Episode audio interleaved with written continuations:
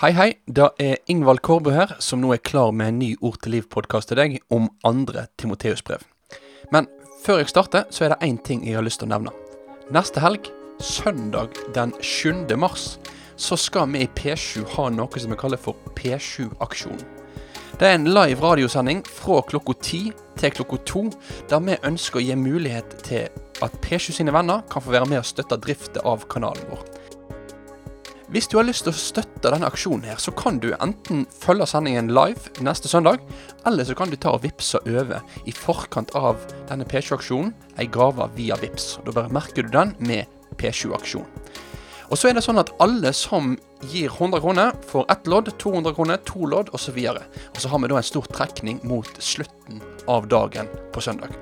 Så her kan du få både i pose og sekk. Du kan få være med og støtte P7, og du kan samtidig òg få være så heldig at du vinner noen av de flotte premiene. Så P7-aksjon 7.3, 10 til 2. Nå er det podkast-tid.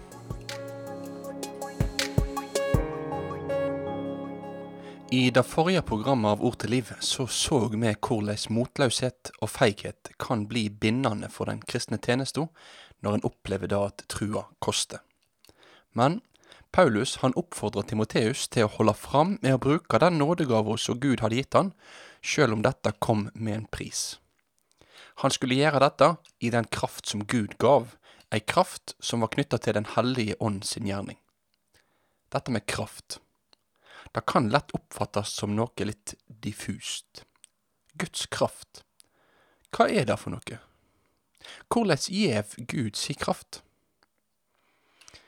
Når Paulus skriver om Guds kraft i Det nye testamentet, så kan vi se at han gjennomgående knytter dette opp mot et bestemt budskap.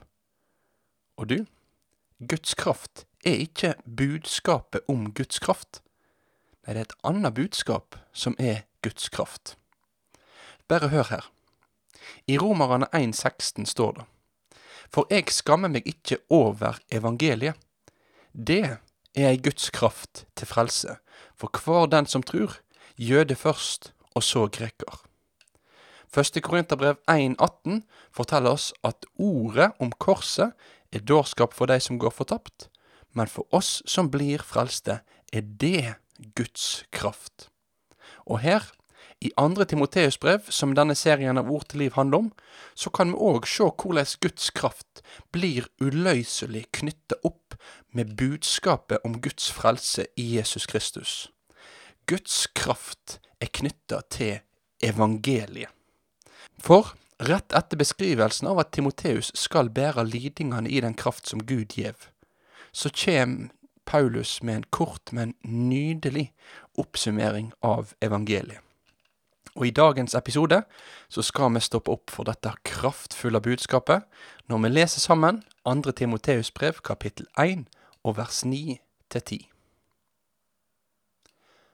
Han har frelsa oss og kalla oss med et heilagt kall, ikke på grunn av gjerningene våre, men etter sin egen vilje og nåde, den som er gjeven oss i Kristus Jesus fra evige tider, og som nå har vorte åpenbæra da vår Frelser Kristus Jesus kom til jord. Han har gjort ende på døden og ført udødelig liv fram i lyset ved evangeliet. Amen.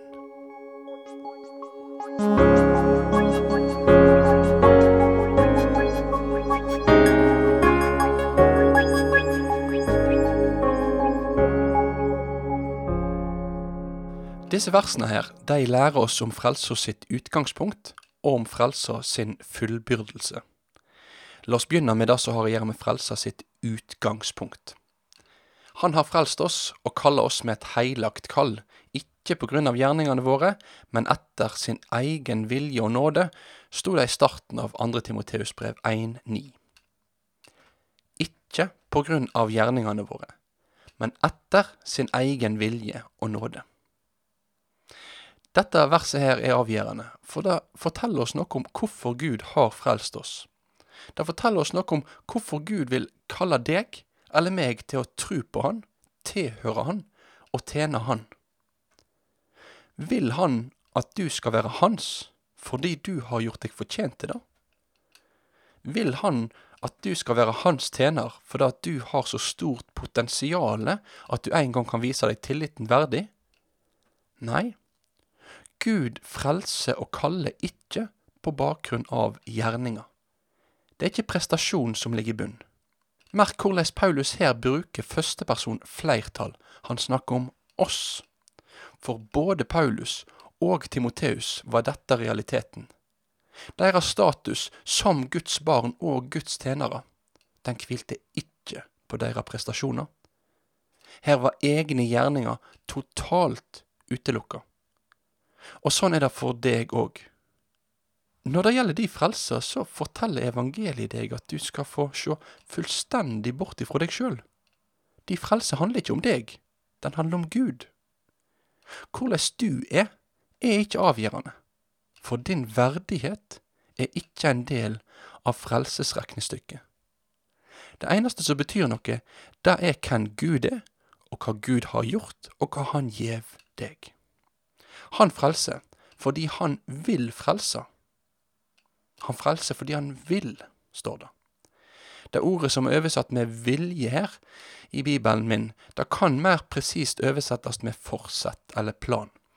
Og Hvis vi bruker de oversettelsene, så understreker dette enda tydeligere at Gud han hadde satt for seg noe som han skulle gjennomføre. Det var hans hensikt å redde menneskene. Ikke etter menneskenes fortjenester, men etter sin nåde. Dermed så er det sånn at utgangspunktet for frelsa her blir forankra i Guds karakter. Frelsa kjem som et resultat av Guds frelsesforsett og Hans nåde, ikke vår fortreffelighet eller våre nyttårsforsett. Og denne forankringen, den er avgjørende. For når jeg som menneske da kjemper med spørsmål om hvorfor Gud vil frelse meg, så skal jeg slippe å rette blikket inn mot meg sjøl og så skal jeg heller få se på Gud. For det er i Han jeg finner svaret på hvorfor Han vil frelse meg.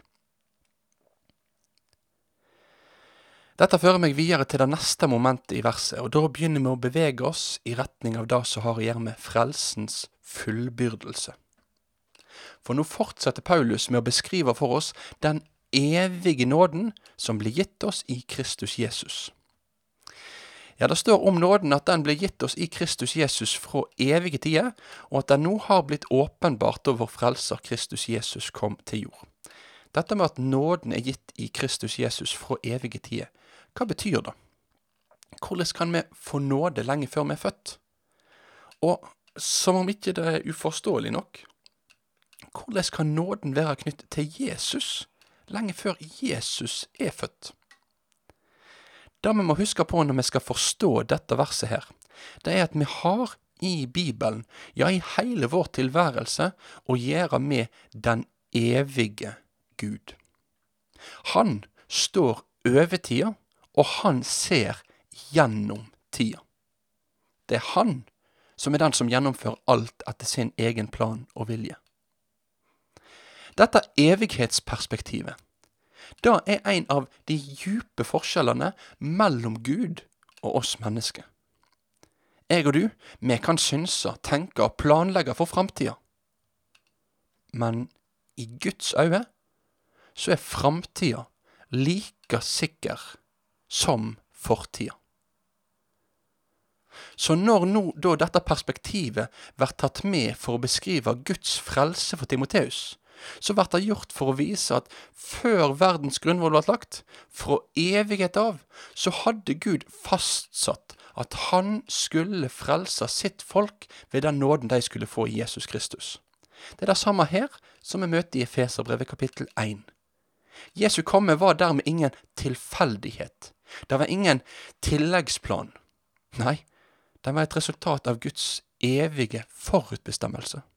Gud ville frelse sitt folk, og da sørga han for å gjøre det som måtte gjøres for å frelse dette folket. Guds frelsesvilje er evig, men den blir òg synliggjort for oss i tida.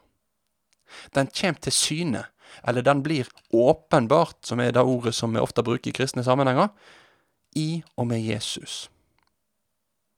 På grunn av dette her, på grunn av at Gud har vist sin frelse, åpenbart sin frelse, så kan mennesket, som Paulus, Timoteus, jeg og du, slippe å spekulere i om Gud faktisk var nådig, og om han faktisk vil gi nåde til mennesket. Nei, i og med Jesu komme blir Guds nåde synliggjort, åpenbart. Det betyr at for deg og for meg, når vi leter etter en nådig Gud, og vi leter etter om Gud faktisk kan være nådig mot oss, så skal vi få gå der Gud viser sin nåde. Derfor, for å se Guds nåde, så er det ikke inni hjertet mitt, eller inni mine spekulasjoner om Gud og Hans evige vilje skal gå. Jeg skal få gå til evangeliet, de gode nyhetene om Jesus. Der viser Gud sin nåde. Og i denne teksten så blir synliggjøringen, åpenbaringen av Guds nåde, knytta til de mest avgjørende hendelsene i Jesu liv. Det blir knytta til hans unnfangelse og fødsel, til hans død og til hans oppstandelse. Vi begynner med det første. Guds nåde blir åpenbart ved Jesu komme til jord. For ved å bli som en av oss, så kunne Jesus bli han som gav livet sitt for oss.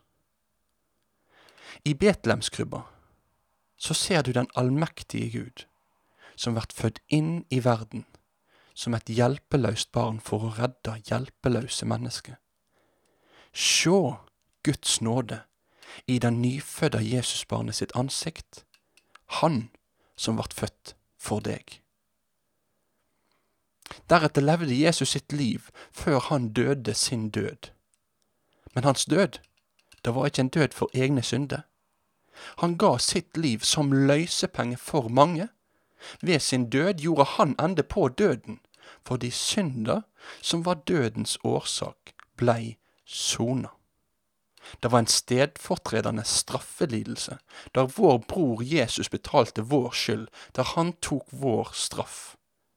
Sjå Guds nåde i den korsfesta Jesus sitt ansikt, han som lei for dine syndes skyld. Og til sist sto Jesus opp igjen. Døden kunne ikke holde han. Gud reiste han opp fra de døde. Han er dødens seierherre.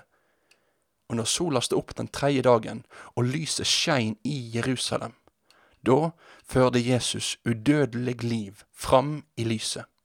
Han hadde seira. Han hadde stått opp igjen. Sjå Guds nåde i den oppstandende Jesus sitt ansikt. Min oppfordring til deg er, om du lurer på om Gud er nådig, sjå til Jesu krybbe, sjå til Jesu kors, og sjå til Jesu grav. Det er her Paulus ber Timoteus, deg og meg, å rette våre blikk. Det var dette budskapet som hadde kraft til å frelse Paulus i møte med hans nært forestående død. Og det var dette budskapet som skulle få være krafta til frelse og fornyelse i Timoteus sitt tjeneste, der han strever med feighet og motløshet. Han fikk påminningen om Guds evige nåde i Jesus Kristus. Og det er dette budskapet som du og jeg i dag òg skal få ta til oss, både med tanke på livet og med tanke på tjenester. Det er om Han jeg skal få fortelle. Og det er på Han jeg òg sjøl skal få tru.